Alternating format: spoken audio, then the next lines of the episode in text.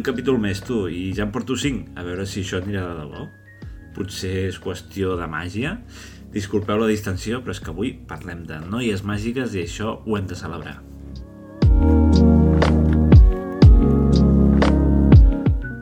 En l'anterior programa del Rewind vaig fer un repàs de la història del manga i de l'anime al nostre país fins l'any 1993. Vaig parlar de nou de Bola de Drac, però també d'Oliver i Benji, el Capità Harlock i moltes altres sèries que van començar a arribar, sobretot gràcies a l'èxit de la missió de les aventures d'en Son Goku a partir del 1990 i alguns dels títols que el van precedir però el 1993 arriba a les nostres pantalles de televisió un fenomen que marcarà per sempre la història no només del manga i de l'anime, sinó de tot el sector del còmic a Europa i al continent americà. Estic parlant de Sailor Moon, una sèrie que molts recordareu amb nostàlgia i d'altres, qui sap si, amb indiferència. Però ara és el torn de tallar-vos completament el rotllo perquè, com ja vaig dir, això és un programa amb certa dosi d'actualitat i he de comentar, encara que sigui breument, el que ha succeït aquesta última setmana al món del manga i de l'anime. Primer de tot, és imprescindible explicar que l'editorial Ibrea va continuar fent els seus anuncis de noves llicències. Dimecres mateix vam saber que publicaran Higehiro, una història amb una llegenda al costat del títol que no et deixarà impassible i que llegeix així em van rebutjar, em vaig afaitar i una noia jove se'n va anar a casa amb mi. Doncs aquesta sèrie, que té anime, per cert, arribarà en castellà a partir del mes d'octubre. Per ara compta amb 6 volums publicats al Japó i continua oberta. Personalment us dic que, com que em va sorprendre el títol, em vaig anar ràpidament a mirar el primer capítol de l'anime i sincerament és bastant millor del que m'esperava. Que també us he de dir que tenia les expectatives una mica baixes, així que jutgeu per vosaltres mateixos. D'altra banda, la mateixa editorial Ibrea va deixar anar dues bombes, una dijous de més petita i una altra divendres, que ha rebentat les xarxes socials. La primera és el manga de Jouken, una sèrie de la que se'n va parlar moltíssim el 2020 per la seva versió animada, per com de ben fet estava, recordant una mica la feina dels grans estudis d'animació. Aizuken eh, és una noia d'institut que munta el seu propi club de creació d'anime i bàsicament l'anirem acompanyant en la seva aventura creativa. Actualment, l'obra original de manga té 5 volums publicats al Japó en serialització des del 2016 i el primer en castellà sortirà el mes de novembre. Però és que això no és tot, perquè Ibrea va anunciar l'endemà, de manera absolutament inesperada, la publicació d'un dels seinens que més seguiment tenen a través de l'obscur món dels escans és Kingdom, una sèrie llarguíssima, ja té 62 volums publicats al Japó i sembla que va per llarg i ens narra la història d'un personatge immers en la Xina més o menys al voltant dels 300 anys abans de Crist. Una Xina plena de conflictes bèl·lics, amb batalles, sang i molt de dinamisme. Creieu-me que fa un temps li vaig donar l'oportunitat i em va encantar. El que passa és que sóc força inconstant a l'hora de seguir sèries tan llargues, així que no vaig continuar. Amb Kingdom es confirma que ara mateix el mercat del manga no només a l'estat espanyol, sinó que m'atreviria a dir que a Europa i als Estats Units es troba en un moment excel·lent pel que fa a vendes i captació de públics. A l'espera del que pugui succeir quan tornem a la normalitat postpandèmica, si és que hi tornem i puguem tornar a viatjar amb tranquil·litat i gastar-nos els quartos en cubates i, i tota la pesca els caps de setmana, si això tindrà o no afectació a la indústria cultural. Fins que això no passi, les editorials estan demostrant treure tots els pesos pesants perquè en els últims mesos de l'any 2021 ens arriben veritables patums del manga de moda Haikyuu, Tokyo Revengers, Sunken Rock o Kingdom i menció especial per l'edició de Kochikame o l'arribada de Tokyo Girls, Beast Complex, GTO o clar, les continuacions de sèries que ja fa mesos que s'estan esgotant a les llibreries com Jujutsu Kaisen, Chainsaw Man i tantes altres. En definitiva, que estem en un moment crucial eh, pel creixement de la indústria o bé per l'esclat de la bombolla, qui sap. Jo m'inclino més per la primera opció, malgrat que estiguem en plena crisi capitalista que no ens deixa viure ni sota un pont. Per cert, que no ho he comentat, però també l'editorial Arichi ha anunciat la intenció de publicar un títol BL, Boys Love, cada mes a partir del febrer de 2022. Això inclou dos nous títols, com són Makoto Shiaka ni Mao Hanawa i Kazoku ni Naruyo, com sol succeir amb la major part dels títols d'aquesta editorial, estan ambientats en determinades èpoques històriques i permeten anar més enllà d'un simple romans. Cap a romans, d'altra banda, també tindrem l'adaptació a manga de Romeu i Julieta, de l'autora Yumiko Igarashi, una de les responsables de la mítica Candy Candy. I tornant a Ibrea, aquest dilluns van anunciar també la publicació a partir del mes d'octubre de No me rayes Nagatoro, una sèrie molt esperada per part del públic i que consisteix en una història d'humor amb dos protagonistes, Nagatoro, una noia d'institut, i Naoto, un noi que és un any més gran que ella i que és força tímid i reservat. En anime hem sabut que Kimetsu no Yaiba, Guardians de la nit, començarà la seva segona temporada definitivament al mes de desembre. Abans s'emetran alguns capítols de repàs, tant de la primera temporada com de la pel·lícula que van poder gaudir als cinemes en català, Guardians de la nit, El tren infinit, que està disponible a Amazon Prime Video. Més enllà d'això, la nit del Tudum de Netflix van poder veure noves imatges del que serà el live action de Cowboy Bebop i poca cosa més. I una notícia d'última hora. Mentre estava acabant d'editar aquest podcast s'ha donat a conèixer que Takao Saito, un autor molt conegut al Japó, sobretot per la seva obra més longeva, Golgo 13, ha mort als seus 84 anys per un càncer de pàncreas. Golgo 13, una sèrie que va començar el 1968 i que ens va arribar aquí de casualitat amb dos volums recopilatoris. Continuarà perquè el mateix autor va cedir els drets perquè els seus ajudants continuessin les aventures de Duke Togo. Continuïn o no, aquesta mena de notícies, com també va ser el cas de la mort de Kentaro Miura, l'autor de Berserk, fa poc temps, són motiu de pena pels aficionats al manga i de l'anime per tota la contribució que han fet al llarg de la seva vida. Bahariku, baharika, 魔法の国からやってきたちょっとジャムな女の子サリーサリー不思議な力で街中にいja torno a parlar del tema que estàveu esperant, el que us ha cridat l'atenció, sens dubte, perquè és un bon clickbait o no, qui sap, perquè això de les estadístiques encara no, no acabo d'entendre.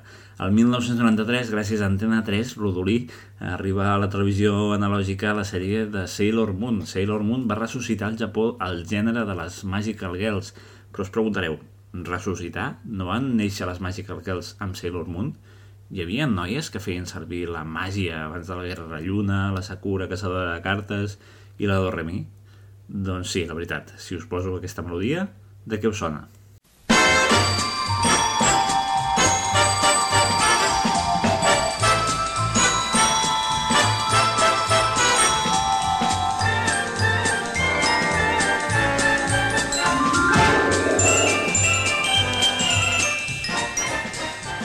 Alguns ho haureu endevinat, altres no, és la famosa sitcom nord-americana dels anys 60, Bewitched, o Embruixada, mm, tal com la vam conèixer anys més tard a TV3.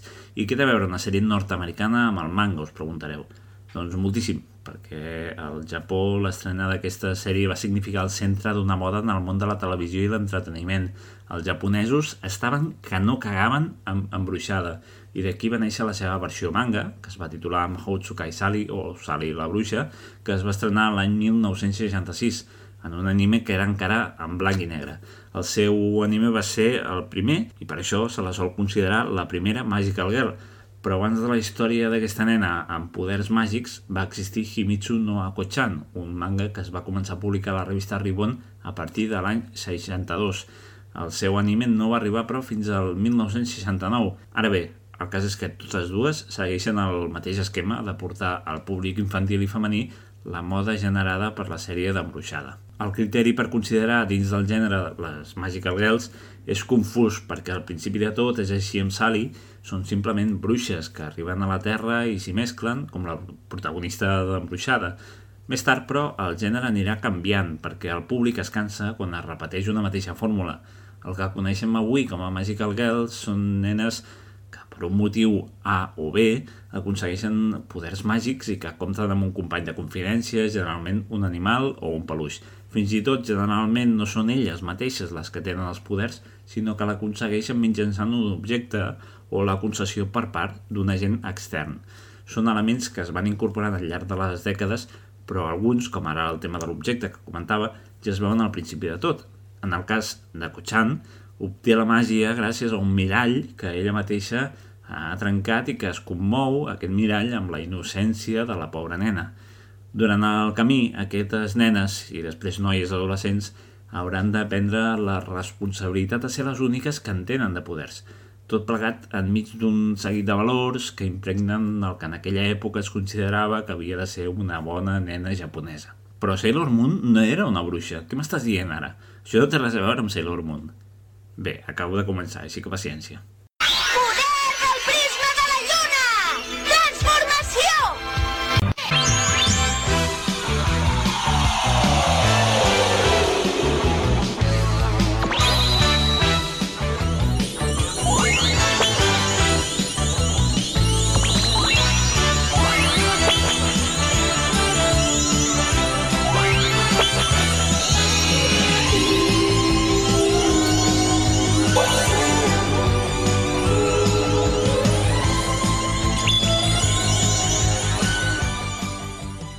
Mateix estudi que s'encarrega d'Ako-chan Toei Animation serà el responsable del pet que fotran les Magical Girls o Maho Shoujo en japonès. Entre 1969 i 1980, qui s'encarrega d'explotar al màxim aquest gènere és l'estudi de Toei Animation. És evident que la fórmula d'una protagonista femenina tenint poders atrau un públic que potser fins llavors havien ignorat. No vull dir que no existís el manga adreçat a noies abans d'això, ni que no se'n fessin adaptacions animades, lògicament que n'hi havia. Al 1954 neix la revista Nakayoshi i al 1955 la Ribbon, dues revistes que publicaven i publiquen manga i sèries conegudíssimes d'aquelles publicacions eh, van ser adaptades a la televisió. Segurament, la que més reconeixement ha tingut al llarg del temps és Ribbon no Kishi, en castellà La princesa Caballero, d'Osamu Tezuka. Aquella obra va trencar molts esquemes, tant tècnics com argumentals, però sense treure-li mèrit al déu del manga, moltes autores van contribuir a que el còmic japonès comencés a tindre una mirada pròpia femenina. Perdoneu que m'enrotllo com una persiana. En aquesta dècada dels 70 tenim diversos casos de Magical Girls com Sarutobi E-chan, Maho no Mako, Miracle Kill uh, Levi-chan o Majoko Chikuru, a nivell d'influència, les que van ser més importants van ser d'una banda Kutihoni, que d'aquesta en parlaré més tard abastament, i també Megu-chan. Majoko Megu-chan va néixer el 1974 i amb 72 episodis va anar innovant tant pel que fa al paper de la protagonista, que era més gran i més desenfadada, sense voler aparentar cap innocència, com també pel que fa al combat amb enemics. Fins llavors, les trames eren molt més relacionades amb la vida diària i de com és viure amb màgia en un món en què ningú més en té. Ara ja apareixen els enemics a confrontar. Després, durant els anys, eh, les Magical Girls no acabaran de retrobar-se amb el seu públic, o bé perquè estudis com Toei Animation tenen altres prioritats, o bé perquè les lectores i espectadores se n'han tornat a cansar. Com veureu, amb aquest gènere hi ha tot de baixades i pujades a la popularitat, cosa que passa també amb altres gèneres, però no de manera potser tan pronunciada. Els 80 tenen pocs moments de felicitat pels aficionats a les Magical Girls. El fenomen més destacat és el de Creamy Mami, una sèrie en què la màgia és una excusa per fer créixer una nena fins a l'adolescència i que esdevingui una cantant idol, que s'emporta tots els nois amb la seva sensualitat. En realitat, és eh, sobretot un fenomen musical perquè darrere Creamy Mami el que estan eh, fent és promocionar una cantant real, la japonesa Takako Ota. El que aporten aquestes sèries, com també Minky Momo, és una major sensualitat en els vestits i, malgrat que continuïn sent sèries dirigides a noies, definitivament incorporen el públic masculí entre l'audiència.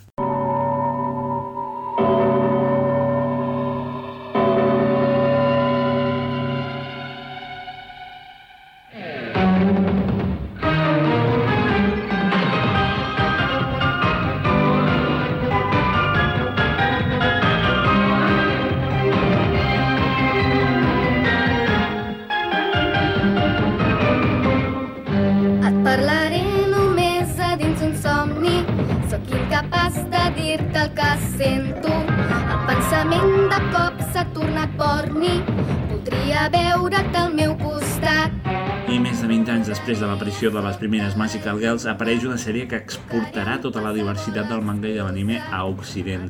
L'èxit de Sailor Moon és tal que encara avui dia la imatge de la guerrera lluna, la Muni Tsukino o Usagi Tsukino, l'original, en tota una icona i un reclam per productes de tota mena amb Sailor Moon i tenim tot reunit. És una noia que de sobte rep una màgia a través d'un objecte, una tiara, que es converteix en una vareta quan es transforma.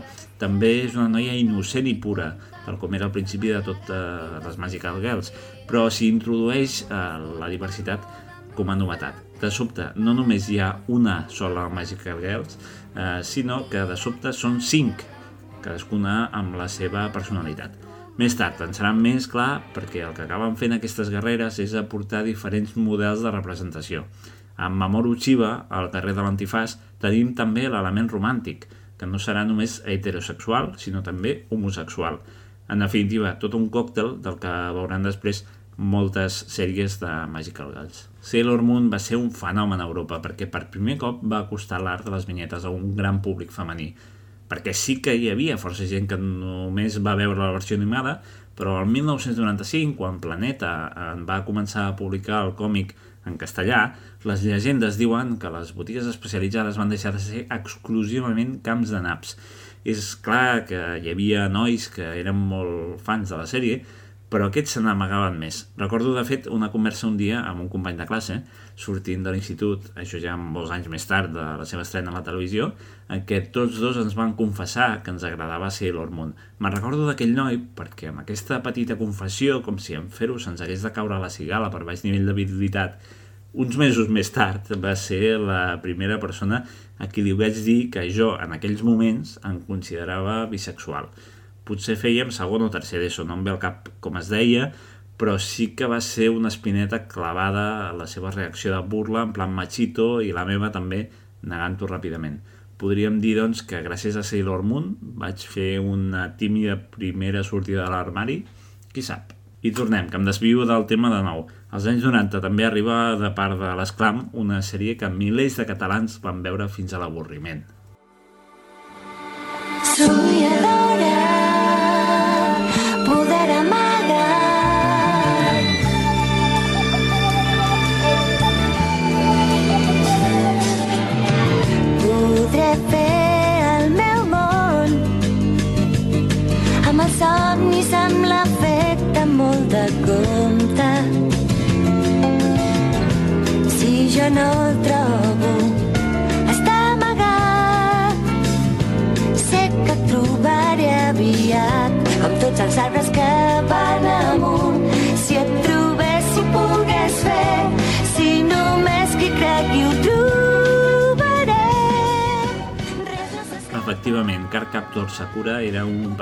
petit retorn als orígens en què només hi havia una Magical Girl i la protagonista era una nena de cinquè de primària si heu tingut l'oportunitat de llegir el manga i haver vist l'anime, veureu que de la mateixa manera que va passar amb Sailor Moon, podríem dir que l'animació hi va tenir molt a veure.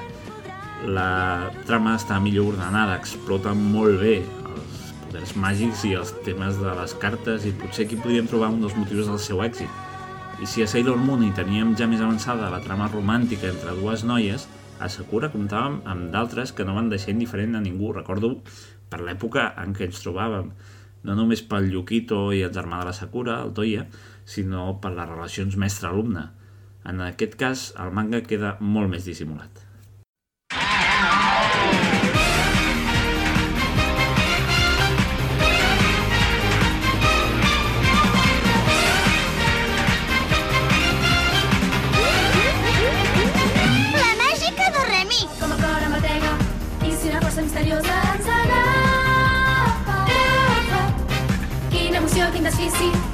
Seria fantàstic, sí, fantàstic, fantàstic. Serà com si cada dia fos diumenge, com si a l'escola tinguéssim una fira.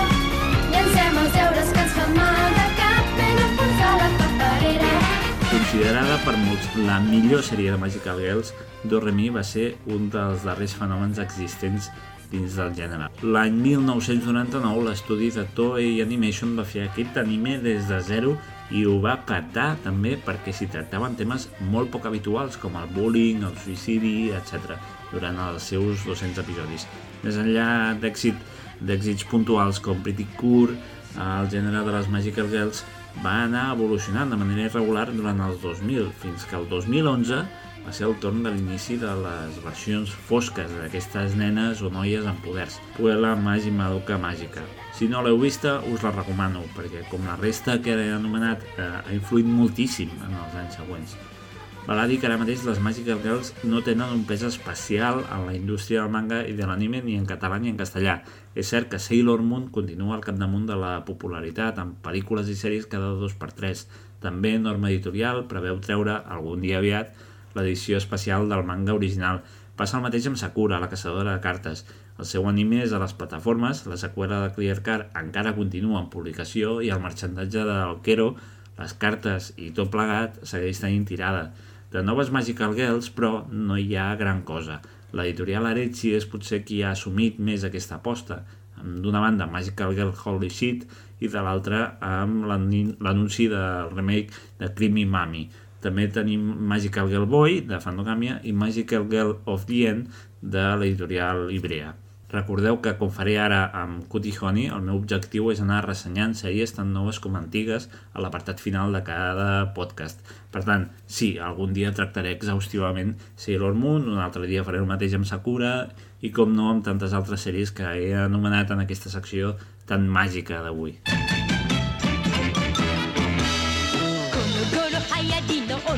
の子はお尻の小さな女の子はこっちを向いてよハニーだってなんだかだってだってなんだもん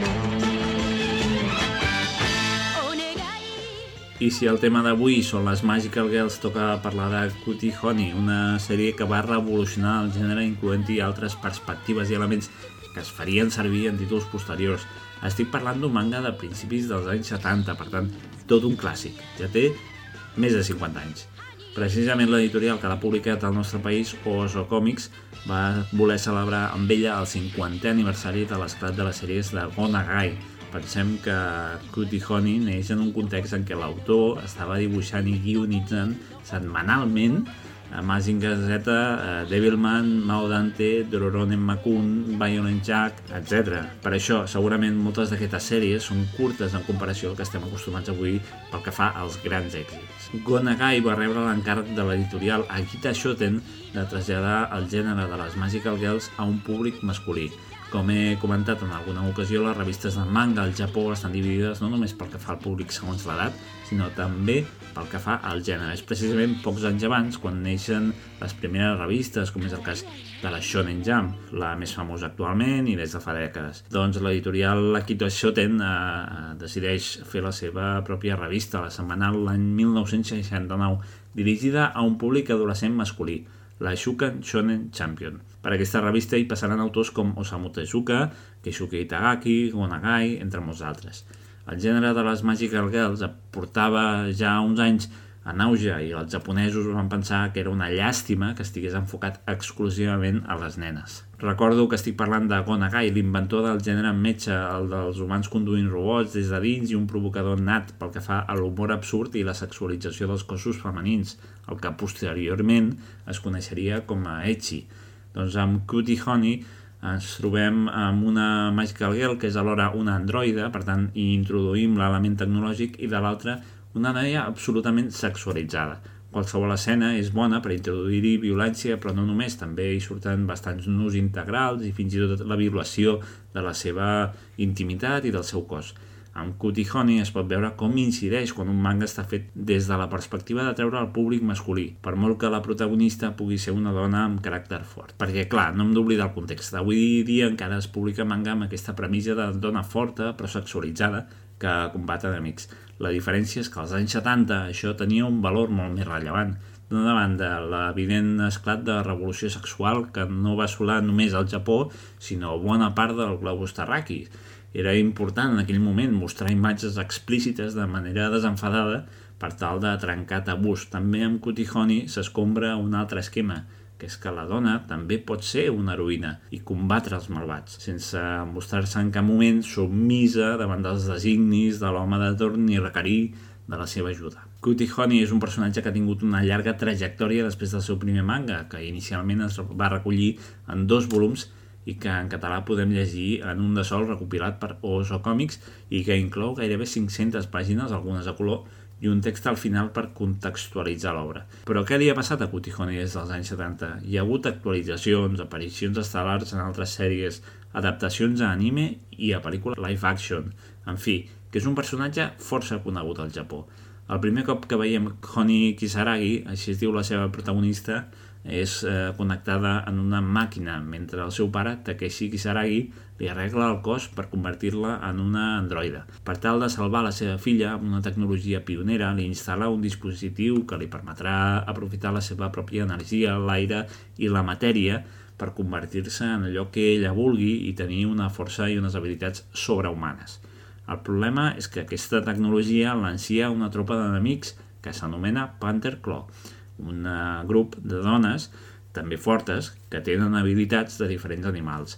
En aquesta primera aventura, Cutie Honey serà en realitat una adolescent més amb poders, és a dir, allò que comentava anteriorment, que ha de ser una magical girl, però quan ho necessita es transforma, clar, amb el seu propi ritual, el crit i tota la mandanga. Si ho mirem fredament, més enllà del seu caràcter, l'únic que la diferencia d'altres magical girls d'altres sèries és el component tecnològic. És un androide i, per tant, té més facilitat per sobreviure. Però més enllà d'això, és una Magical Girl a l'ús, una noia que combat els enemics amb els seus poders misteriosos que li han arribat de cop i que haurà de fer servir si no vol que el planeta se'n vagi a pastar fang. Preparant aquest capítol del podcast vaig pensar que seria interessant tractar de manera destacada Cutihoni, primer perquè és l'única Magical Girl que tenim ara mateix disponible en català a les llibreries. És cert que Sakura Caçadora de Cartes també està traduïda al català, però cal recórrer al mercat de segona mà o a botigues amb material descatalogat per accedir-hi.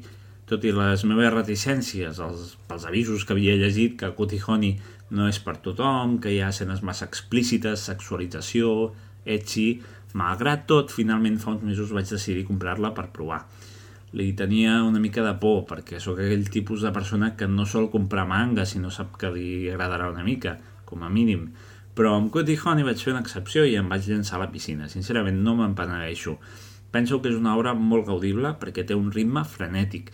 Massa, si el que vols és aprofundir en les motivacions dels diferents personatges, però amb una trama molt àgil i alguns panells espectaculars, especialment per l'època. També penso que és una obra que si t'agrada el manga com a concepte, t'interessa la seva història i t'agrada comptar amb aquests grans referents, l'has d'incorporar a la teva col·lecció personal sí o sí. Això o la llegeixes eh, mitjançant la biblioteca pública més propera i així no acabes omplint casa teva de llibres com estic fent jo. S'ha de reconèixer la gran feina que està fent l'editorial Oso Comics amb seu Prades, per cert, per recuperar obres clàssiques que fins ara no havíem tingut aquí. Precisament ara fa pocs dies ha sortit el segon volum de Kamen Rider, una obra que, com Cutie Honey, també va marcar tot un gènere, el tokusatsu, o com ens va arribar aquí als anys 90 els anomenats Power Rangers. Tornant a Cutie Honey, és evident que amb només aquest volum de 500 pàgines ens quedarem amb ganes de més. Primer de tot, la mateixa editorial té en catàleg una altra obra del mateix personatge, però actualitzat, una obra publicada als anys 90 i que, per tant, inclou altres elements que poden fer més atractiva la lectura. Cutie Honey també va disposar de 25 capítols d'anime i 8 obres posteriors, això ja als anys 90. Una dècada que va néixer també una sèrie de 39 capítols més, amb el títol Cutie Honey F. Curiosament, l'any 97 es començaria a publicar una adaptació shoujo de Cutie Honey, és a dir, una obra ja dirigida a un públic femení adolescent. En aquest cas, estava dibuixada per Yukako i Isaka.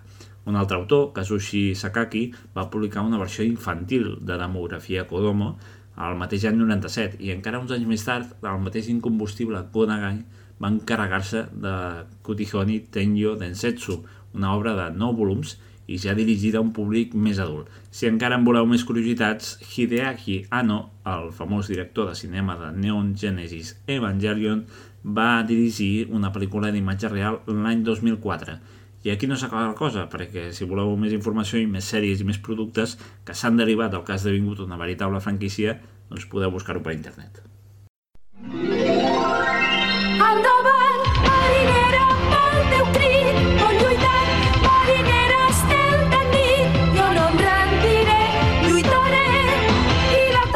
I amb Cutie Honey s'acaba el programa d'avui. No oblideu deixar un bon like, una bona subscripció tant a iVox com a Spotify i estaré encantat de llegir els vostres comentaris al respecte del que he anat dient al llarg d'aquesta última mitja hora.